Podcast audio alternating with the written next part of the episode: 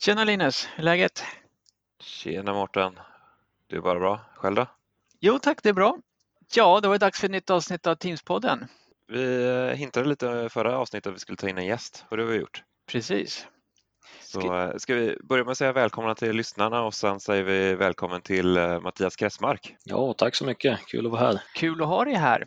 Jag hoppas att du har lyssnat på tidigare avsnitt. Ja, allihop. Ja, självklart. Ja, men roligt att du ville vara med här Mattias. Eh, men ska vi börja med lite med att presentera, vem är du? Ja, ja Mattias heter jag. Jag jobbar som Senior Customer Program Manager hos Microsoft inom just Microsoft Teams. Och det innebär att jag är ute och hjälper ofta stora kunder komma igång med Teams och öka användandet av Teams när de redan är igång med det.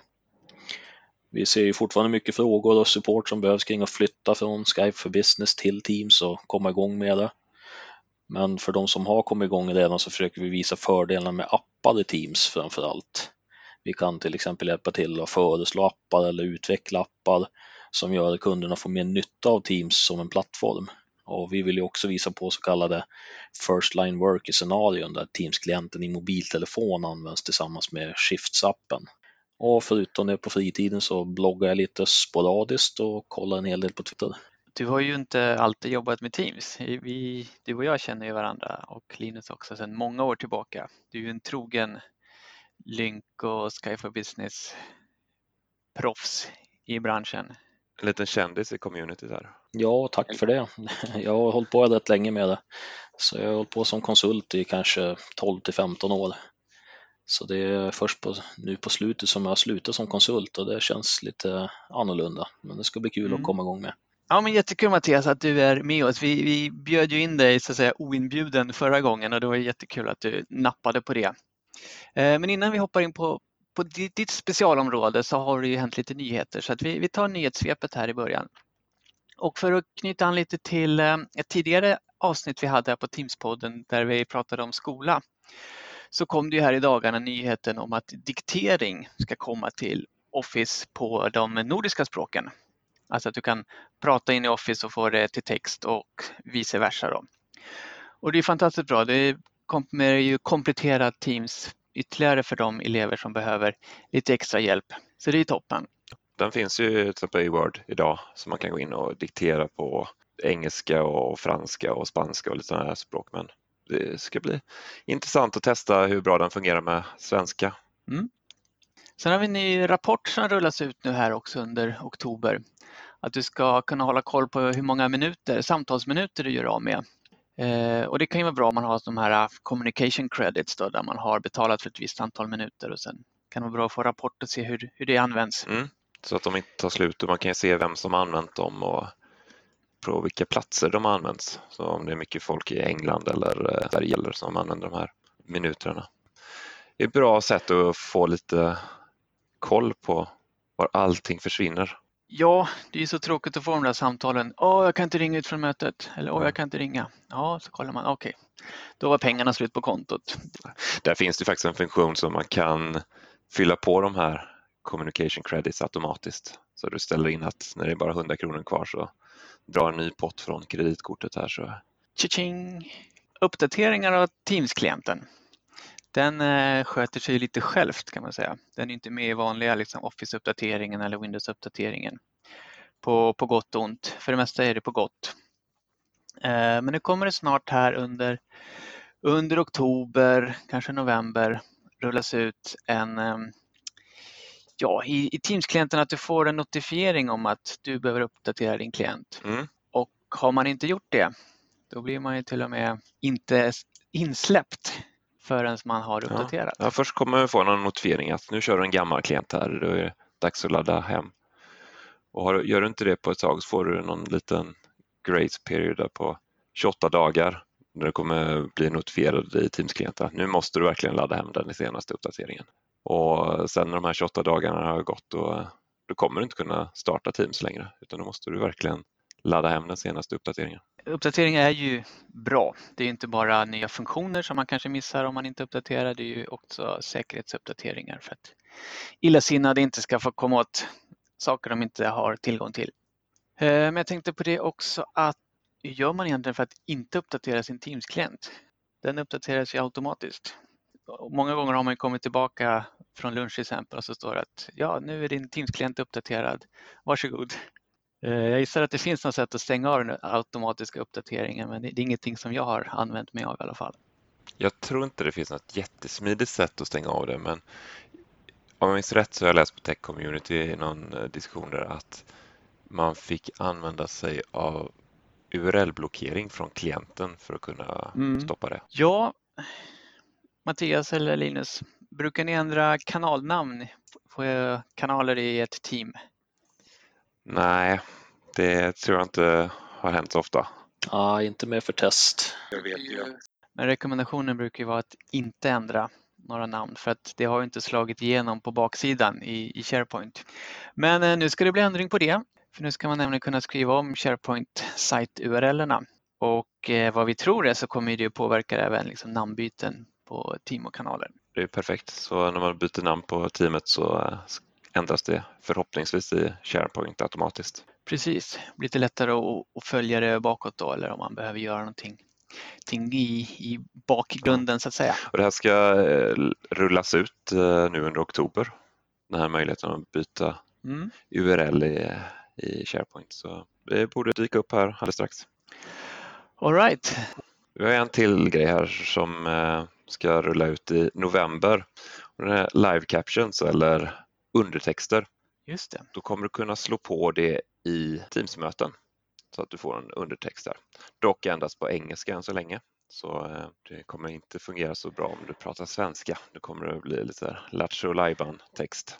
Ja, den kommer försöka men det kommer garanterat inte bli bra. Ja, det kan vara bra om du hoppar in i ett möte och kanske har svårt att höra vad de säger eller något annat. Får du textning på vad som sägs eller om du inte mm. hänger med på det engelska språket jättebra så kan det vara bra som ett komplement där att få texter. Kanske man har lite svajigt nätverk och lite problem med, med mm. ljudkvaliteten. Då kan ju det hjälpa till. Och då kommer vi osökt in och tänka på dagens tema. Ljudkvalitet och eh, hur man eh, tar reda på om man har bra ljudkvalitet i nätverket. Eller hur Mattias? Ja, precis. Där har vi en produkt som kallas Call Quality Dashboard som vi ofta förkortar med CQD. Jag har försökt översätta den på svenska eftersom jag hade ett föredrag om den på svenska så det bästa jag kom på var samtalskvalitetsinstrumentbrädan på svenska. Så jag kommer nog använda alla de här tre namnen idag när jag pratar om det. Ja, det låter ju fantastiskt. Ja, ganska långt ord. Men mm. samtals... Men är självförklarande också. Det låter ja. lite byråkratsvenska nästan. Men, men vad är samtalskvalitet egentligen? Vad, vad är det man ska sträva efter och hur kan man påverka det här själv på något sätt innan man börjar mäta? Eller när man väl har mätt, vad är det man ska tänka på? Är det något speciellt där eh, som användare kan tänka på? Ja, till att börja med så kan man ju gå till det man har närmast sig, närmast kroppen, alltså headsetet eller mikrofonen och hörlurarna man har. Så de påverkar samtalskvaliteten en hel del. Mm. Och även den dator man använder, att den är kraftfull nog att kunna processa eh, ljudet och skicka det vidare eh, så fort som det behövs. Det påverkar ju också. Mm. Ja, för om den är upptagen med massa annat så kanske den inte processar ljudet så, som, så bra som den skulle kunna göra och då, det kan framkalla dålig ljudkvalitet. Precis, och sen har vi då nätverket och där har vi egentligen tre typer av nätverk som vi använder när vi använder Microsoft Teams. Så vi har ju vårt eget nätverk vi sitter på. Vi har oftast en liten sväng ut på internet och sen har vi Microsofts nätverk MSN. Mm. Och där känns det som man kan påverka allting som är från Microsofts nätverk och fram till egna kroppen. Så du kan ju kolla på eh, ditt headset och du kan fixa datorn, du kan fixa företagsnätverket. Ja, internet är lite svårt att påverka. Ja, men du kan ju påverka att du eh, är ute på internet så lite som möjligt innan du kommer in hos Microsoft. Mm. Sen har man ju trådat nätverk och kabelanslutet nätverk och så har du ju kanske ett trådat headset och ett eh, Bluetooth headset eller ett däckt headset. Så det är, det är många parametrar här. Man skulle alltså behöva ett verktyg som man kan se eh, vad som har hänt under ett samtal. Ja, mm. tänk om det fanns ett sådant verktyg.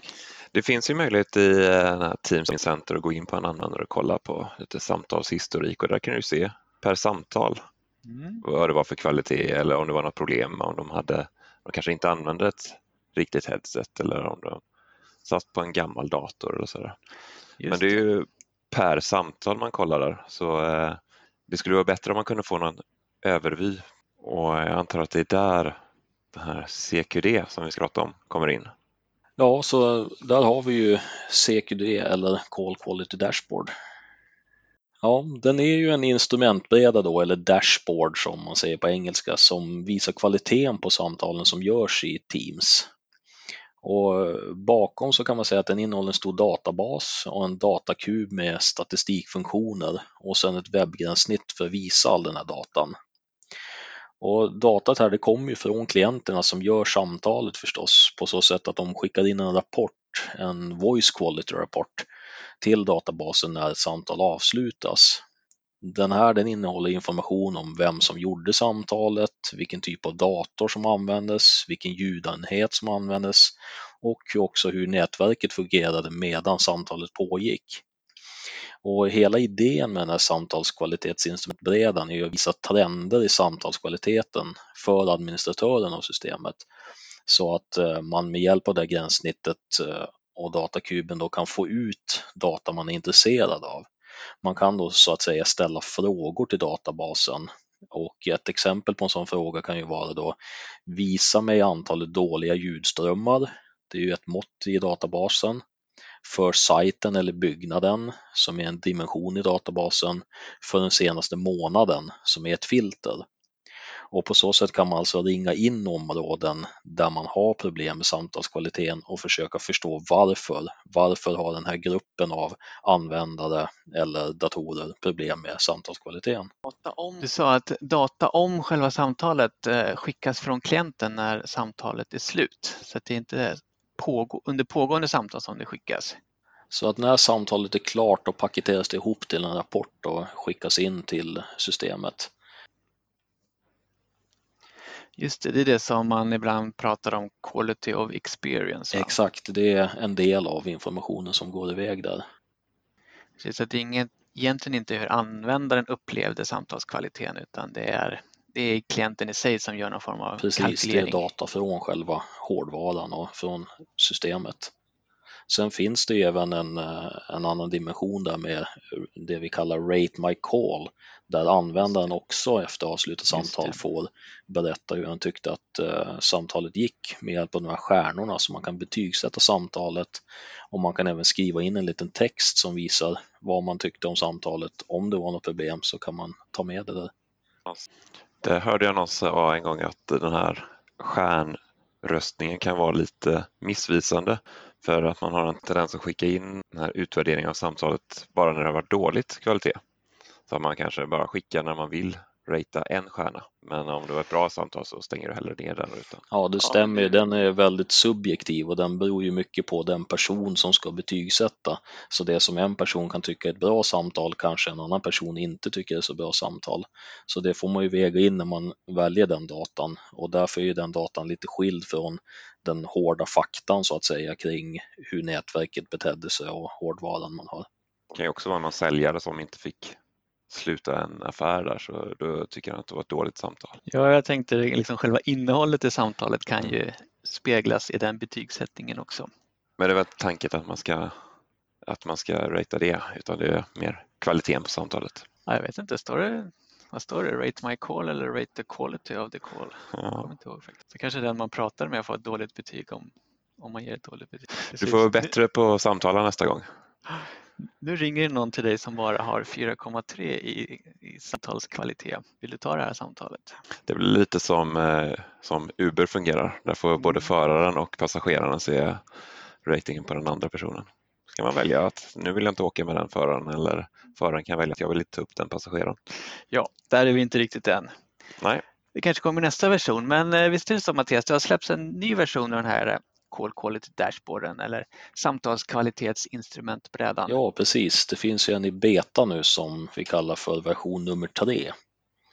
Den här har ju funnits eh, långt tidigare, redan i Skype for Business Server 2015. Då var den i version 1 och då installeras den lokalt för den server eller serverpool som den rapporterade för. Sen eh, i och med Office 365 så kom ju CQD version 2 och den rapporterar då både för Skype for Business Online och Teams. Och det är ju den som dyker upp nu när man som administratör klickar på CQD i den här Teams adminportalen. Det går ju även att gå till den manuellt då genom att gå till cqd.lynk.com om man vill titta på den.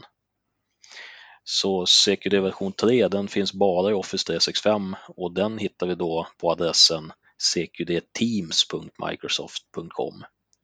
Och den ligger ju lite så gömd därför att den är i beta eller preview fortfarande så det är ju inte en klar produkt ännu.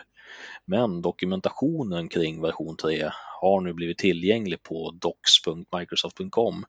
Så det är ju möjligt att produkten ändras lite innan den är helt klar, men redan nu så kan vi testa en hel del av det nya i CQD version 3. Så vi kan kanske lägga en länk till dokumentationen på vår sida för det här avsnittet. Det kommer vi göra. Absolut. Jag såg även att när man går in på den här CQD version 2, så den som länkas från eh, Teams Admin Center, då finns det en länk där högst upp till CQD version 3. Så att den tipsar om den här preview-versionen. Och är det inte så att eh, Call Quality Dashboard har sitt ursprung i monitoringrapporterna som kom med Link-servern eller kanske till och med ännu tidigare? Ja, precis. Det är ju samma data man samlade in där, men då var ju kanske möjligheten att rapportera på det här datat eh, mer begränsad. Så med CQD då kom det just in där att man använder en kub istället för en flat databas då. Och då kan man ställa mer intelligenta frågor till datat. Men datat i sig är egentligen detsamma det är ju möjligt att vi samlar in mycket mer data nu eh, från en Teams-klient än vad vi gjorde eh, i, eh, säg Lync eller Skype for Business.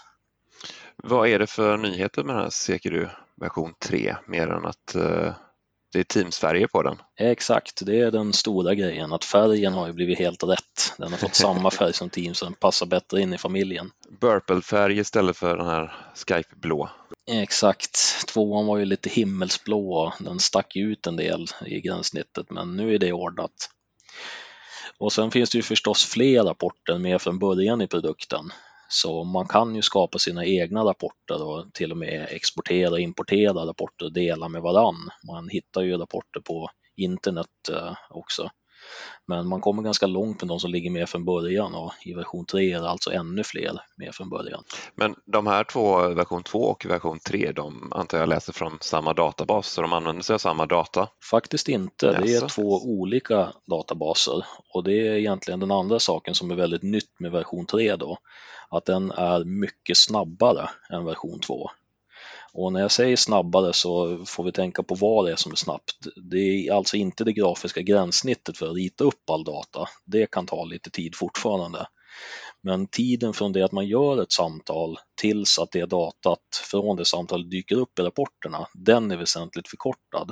Och det är just tack vare att man har ändrat infrastrukturen bakom CQD, så då går det fortare i eh, den nya versionen, version 3, så när man gör samtal så kan det datat dyka upp i rapporterna inom 30 minuter från att samtalet har gjorts. Och det är det som kallas för Near Real Time Call Data, eller på svenska då nästan realtidssamtalsdata. Och i tidigare versioner så kunde det ta eh, ända upp till ett dygn och i vissa fall kanske ännu längre innan datat kom ut i rapporterna. Så datat vi tittar på i version 3 är mer live jag ser det att jag har faktiskt statistik från idag i den här nya säkerheten fast kollar jag på den tidigare så finns det ingen.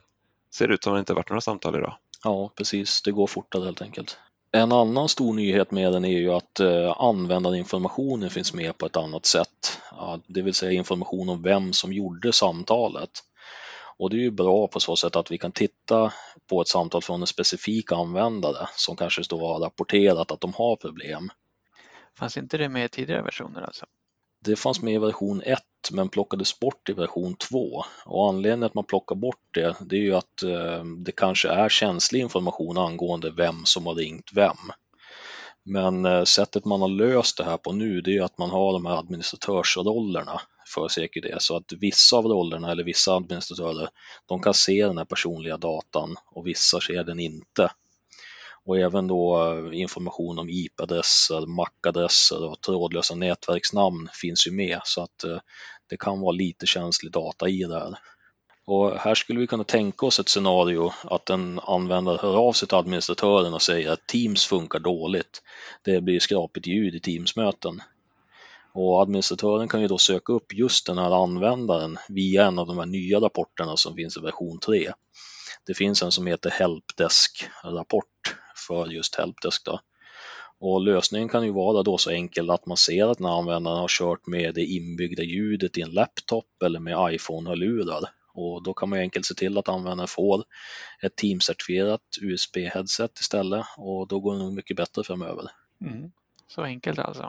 Jag ser här att den vill att jag ska ladda upp eh, data om eh, byggnader. Vad är det för något? Precis, det är ju eh, ett koncept som finns i CQD med managerade och omanagerade nätverk.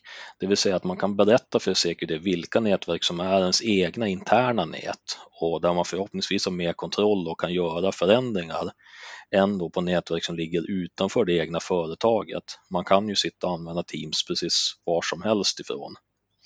Och det här gör man då genom att ladda upp en fil Eh, och filen innehåller information om nätverken och vad du kallar dem internt och då vet säkert du att det här är ett internt nät. Så då får ju rapporterna mer mening när man då kan dela upp med externa nät och interna nät. Och även där om man använder CQD version 2 idag och har laddat upp den här building data-filen för version 2 så måste man göra det igen för version 3. Det är ju då två olika databaser som vi sa. Så då skulle jag kunna se att vi har väldigt mycket problem på ett visst kontor. Till exempel eh, nere i Malmö där eh, i en viss byggnad, där har de problem och så kan man se mer eller börja utreda varför de har problem just där. Precis, och det är ju meningen att man ska kunna zooma in sådär på de områden där man har problem och hitta specifika nätverkssegment, specifika byggnader eller sajter inom företaget där det kanske fungerar sämre och då eh, hitta på saker att göra för att göra det bättre. Mm, intressant.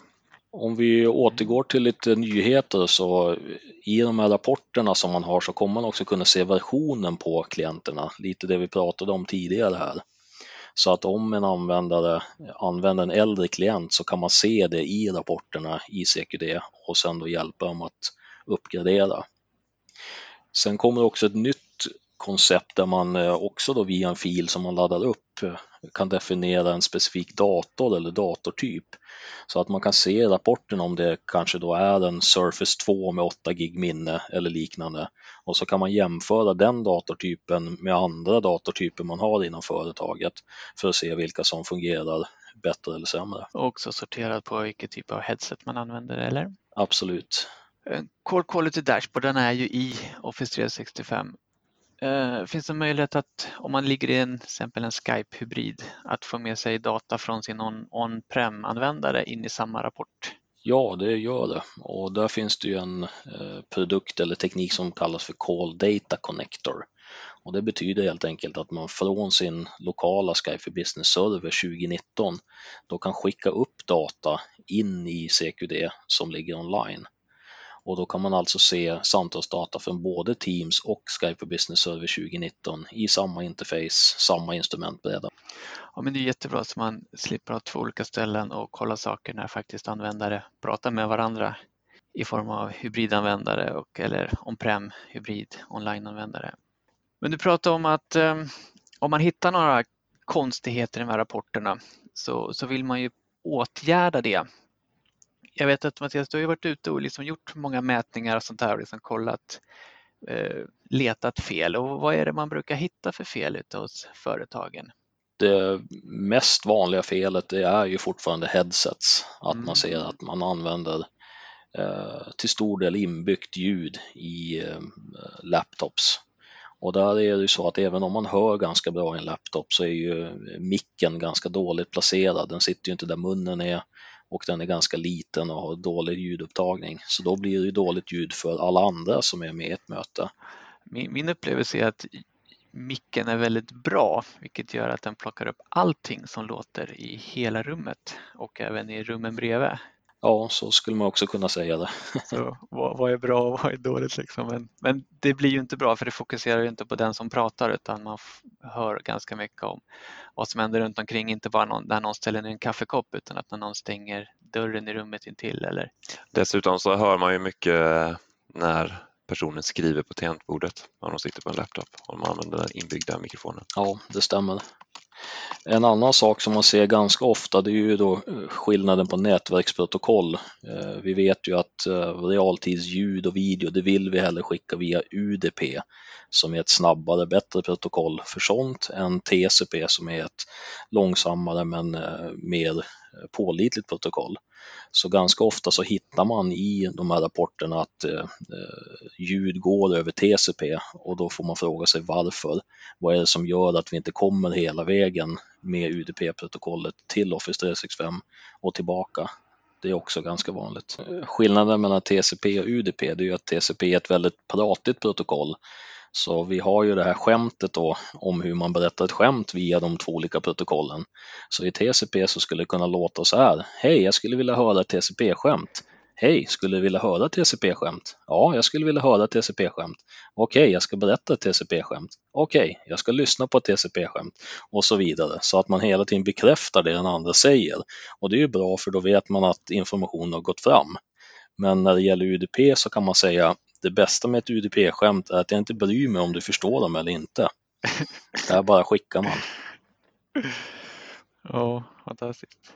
Det finns ju en, en, bild på det här, vi kan väl länka den på, på teamspodden.se. Men eh, mera då, vad, vad, är det som kan vara, vara dåligt med nätverken som gör att ljudupplevelsen blir lidande? Ja, en annan sak man ser det är ju också skillnaden mellan trådlösa och trådade nätverk. Och där är det ju klart att de trådade nätverken ofta fungerar bättre. Där har man ju samma uppkoppling hela tiden. De trådlösa blir ju mer beroende på var folk sitter och var folk går i byggnaden. Och där kan man också då eh, ta fram eh, olika rapporter som till exempel använder vi 5 GHz för våra trådlösa nät eller 2,4 GHz. Och där är det så att de flesta tror att man har uppgraderat allting till 5 men man hittar fortfarande många enheter som fortfarande kör på 2.4 och då har man ju ett eh, ganska enkelt läge att eh, uppgradera det. Då. Men är 5-nätet bättre än 2,4-nätet då? Ja. Bra, tack. 5-nätet räcker ju inte lika långt. Men det kan du ju kompensera med att sätta upp tillräckligt mycket med accesspunkter. Och där kan ju vara ett annan grej att eh, när du installerar ditt trådlösa nät och mäter upp det, då kanske du inte har någon, som är, någon annan som sitter och använder det trådlösa nätet. Sen när det börjar bli väldigt mycket användare som använder nätet så är inte accesspunkterna dimensionerade för den, det antalet användare. Precis. Även sett någon kund som eh, hade ett ganska fräscht eh, trådlöst nät och så samlades alla användare nere i matsalen där de hade satt upp en eller två accesspunkter. Men alla tog med sin mobiltelefon och eh, rätt många tog med sin laptop. Och så satt de på samma ställe och alla skulle koppla upp sig på samma accesspunkt. Då blev det fullt i eten. Ja. Detsamma har jag upplevt för vad gäller Bluetooth. Att man är många Bluetooth-enheter på eh, samma ställe. Vilket gör att det kan hända konstiga saker, inte bara dåligt ljud. Jag fick in en rapport om att någon hade fått in musik i sina hörlurar och trodde att det var via ett samtal som de hade just då. Eh, så där kan hända lite konstiga grejer. Men det är tyvärr en, en begränsning i Bluetooth eh, protokollet. Där går det ju många headset kan man ställa in eh, de här Bluetooth-donglarna du får med, hur, hur stark signal ska vara på dem. Ja. Så har du mycket Bluetooth-headset i en liten yta så kan du ställa ner signalen. Nej, men då ställer väl alla upp den på maxsignal så att den ska funka i alla lägen. Ja, för mig ska det funka, men de andra skiter jag i. Precis.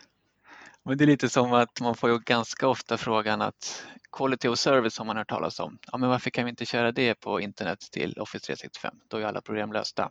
Och vad hade hänt om man hade tillåtit Quality of Service på internet? Jo, men då hade ju alla taggat in all trafik med den för att den skulle få företräde. Och då hade det ju havererat. Mm. Quality of Service, vi kanske ska ta det eh, och inte bara förutsätta att alla vet vad vi pratar om. Mattias, har du lust att prata oss igenom QoS? Jo, Quality of Service är ett sätt att dela upp trafiken på nätverket så man kan dela den i till exempel ljudtrafik, videotrafik eller skärmdelning. Och eh, så bestämmer man att eh, en eh, trafiktyp har då företräde över de andra så att ljudet ska alltid gå före skärmdelning till exempel. Det är viktigare att man hör bra än att skärmen uppdateras väldigt snabbt. Och det här kan man då sätta på sin dator. Man kan sätta det i de olika nätverkselementen man har. Och det fungerar ju väldigt bra internt på sitt egna nätverk. Men så fort man kommer ut på internet så tyvärr så försvinner den där, där markeringen eller taggningen av trafiken. Och ute på internet så får man ju tävla med alla typer av trafik. Du sätter de här QS-taggarna på trafiken från klienten Eh, det finns ju inställningar du kan göra på, eh, på, i Teams på, för möten. Så om du går in på eh, meeting settings där så kan du ställa in att uh, din trafik ska QoS-taggas. Men sen är det ju upp, för, upp till all nätverksutrustning att verkligen läsa de här taggarna. Så även om du har taggat trafiken från din klient så kanske den inte prioriteras ute i, i företagets nätverk för du kanske har någon switch som inte är satt att prioritera QoS-trafik. Så det gäller att ha med hela, både de som administrerar Teams och nätverksgänget som administrerar all nätverksutrustning. Och jag har ju varit med om tillfällen där det har kommit för mycket taggad, alltså prioriterad trafik så att den tilldelningen som den typen av trafik hade fått blev full. Vilket gjorde att även prioriterad trafik föll bort. Medan den otaggade trafiken hade liksom, ja, de hade fritt fram på, på sin lina så att säga. Sen de här QS-taggarna kan ju användas för till exempel trådlösa nät. Där fick jag lära mig att det finns i vissa accesspunkter att de buffrar upp paket. Så eh, ska du gå ut på en webb, eh, webbsida så eh, buffrar eh, accesspunkten upp några paket och sen skickar de iväg dem som ett större paket. Men när vi pratar realtidskommunikation så är inte det jättebra att eh, paketen ligger på en accesspunkt och buffras innan de skickar iväg. Men då kan accesspunkten använda de här QS-taggarna för att inte använda den här tekniken. Så då skickas paketen direkt för realtidskommunikation som till exempel audio och video. Jag lyssnade ju på dig Linus häromdagen när du höll en dragning på den här Teams Oktoberfesten. Mm. Du pratade just om ljud, ljud eller nätverkskvalitet och så. Och du hade några bilder där du beskrev någon motorväg med olika potthål och avkörnings påfarter och avfarter och sådär. Jag tyckte du målade upp det ganska bra. Kan du försöka dig på det här nu utan de här fina bilderna? Ja, utan bilder, det ska väl gå. Många har ju koll på eh, hur en väg ser ut, men man kanske inte har lika bra koll på hur ett nätverk ser ut. Men eh, de fungerar ungefär likadant. Det är ju någonting som ska transportera någonting framåt. Vägen transporterar bilar framåt eller andra fordon och nätverket transporterar datatrafik fram och ofta när man pratar med någon som kanske inte har jättebra koll på nätverk så kommer man snabbt in på att prata med om det här med bandbredd. Jag har 100 megabit hemma, eller jag har 200 megabit, jag har 1 gigabit hemma. Och eh, om man har 100 megabit hemma så kanske man tänker att eh, om man har problem med Skype-samtal eller Teams-samtal tänker man ja, men uppgradera de här 100 megabiten till 200 megabit och då blir mycket bättre. Och på en väg skulle det kunna vara då att du har en väg där det är väldigt mycket trafik. Så lägger du till en extra fil så kommer det gå jättebra. Men det skulle också kunna vara så att det som är problemet är inte antalet filer utan problemet är att det är ett vägarbete längre fram som eh, blockerar eller du har massa eh, hål i vägen som gör att trafiken kan inte flöda på så snabbt. Och ungefär samma problem kan du ha i ett nätverk. Alltså något liknande hände ju mig under just den samma oktoberfesten häromdagen. Eh, att det blev dåligt ljudkvalitet när jag stod och presenterade. Och då fick jag felsöka det lite efteråt förstås och hittade en eh, nätverkskabel som en av mina katter hade gnagt på. Eh, så det finns ju liksom även fysisk påverkan som påverkar eh, nätverkskvaliteten. Jag antar att det var en Cat 6-kabel. Exakt. Men jag undrar eh, om det, det skulle kunna synas i eh, samtalskvalitetsinstrumentbrädan. Ja, det finns ju ett värde för eh, paketföl packet loss. Mm. Och det är möjligt att du hade fått det efter eh, kattåtgärden. Det tror jag säkert. Och Linus, något liknande eller något annat hände ju dig under din presentation där du fick eh, helt enkelt byta headset under, under sändning. Vad var det som Ja, hände där? lite, nej, det var, eh, jag använde ett däckt headset där basstationen tappade kontakten av någon anledning. Ja. Så då fick jag byta headset där till ett annat. Så Så, det var bra att ha ett backup liggandes. Ja, och sa- saker händer ju i nätverk även om man tycker att man inte gör något eller att allting är precis som det alltid har varit så, så händer det saker. Det ju, men frågar man nätverksfolket så har de ju aldrig ändrat något. Det är aldrig någon brandvägg som har ändrats för att någonting slutar fungera, eller hur? Det gäller väl de flesta avdelningar. Det är aldrig någon som har gjort någonting när det händer något. Men det jag har lärt mig under de här åren som, som konsult med Link och Skype och Teams att man ska alltid vara sig vän med nätverks och brandväggsfolket. Ja. De är ens bästa vänner när det gäller att få till bra lösningar för Det realtidskommunikation. stämmer. Sen kan man ju se också att eh, även om du, eh, det ser ut att vara väldigt dåligt på rapporterna så kan användare uppleva att det är ganska bra. Jag gjorde en eh, nätverksanalys hos en kund en gång där de, eh, när vi presenterade vår data, att de hade väldigt dåligt nätverk, så var det en som reagerade och hö- höll inte alls med om det här. Han sa att eh, under ett möte som pågick i en timme så blev han bara nedkopplad tre, fyra gånger. Och det tyckte vi att det där just är ju Ja, men tre, fyra gånger för mycket. Men det tyckte inte han. man har någon form av eh, eh, förväntan på hur, hur upplevelsen ska vara. Och överträffar man förväntan då blir det ju bra. Och om då förväntan är att man ska bli utslängd några gånger per möte, ja men då blir man det färre gånger så är det bra. Blir man det fler gånger, ja men då kanske det är dåligt. Å andra sidan borde ju förväntan vara att man inte blir utslängd någon gång utan att man har en bra ljudupplevelse under hela mötet. Eh, samtalskvalitetsinstrumentbrädan ska väl användas som ett, liksom ett proaktivt verktyg och kunna se var, Eh, var det börjar gå dåligt någonstans, att man kan se liksom trender att här går det åt fel håll, liksom. här behöver vi kanske göra något. Ja, absolut kan man använda den på två sätt. Så, eh, dels eh, efter samtalen är gjorda och leta fel då, men eh, det, är ju allt, det handlar ju hela tiden om trender och att man kan jämföra olika eh, lokationer med varandra och se vad kan man göra för att eh, göra det hela bättre. Så man har ju mycket att tjäna på om man använder den proaktivt och gör förändringar innan de blir ett problem.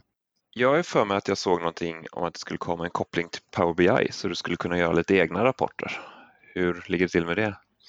Ja, det stämmer. Den har ju funnits med på roadmappen ett tag, så det kommer komma stöd för att man ska kunna suga ut all den här datan från Office 365 och sen mata in den i en Power BI-template som man har lokalt. Då.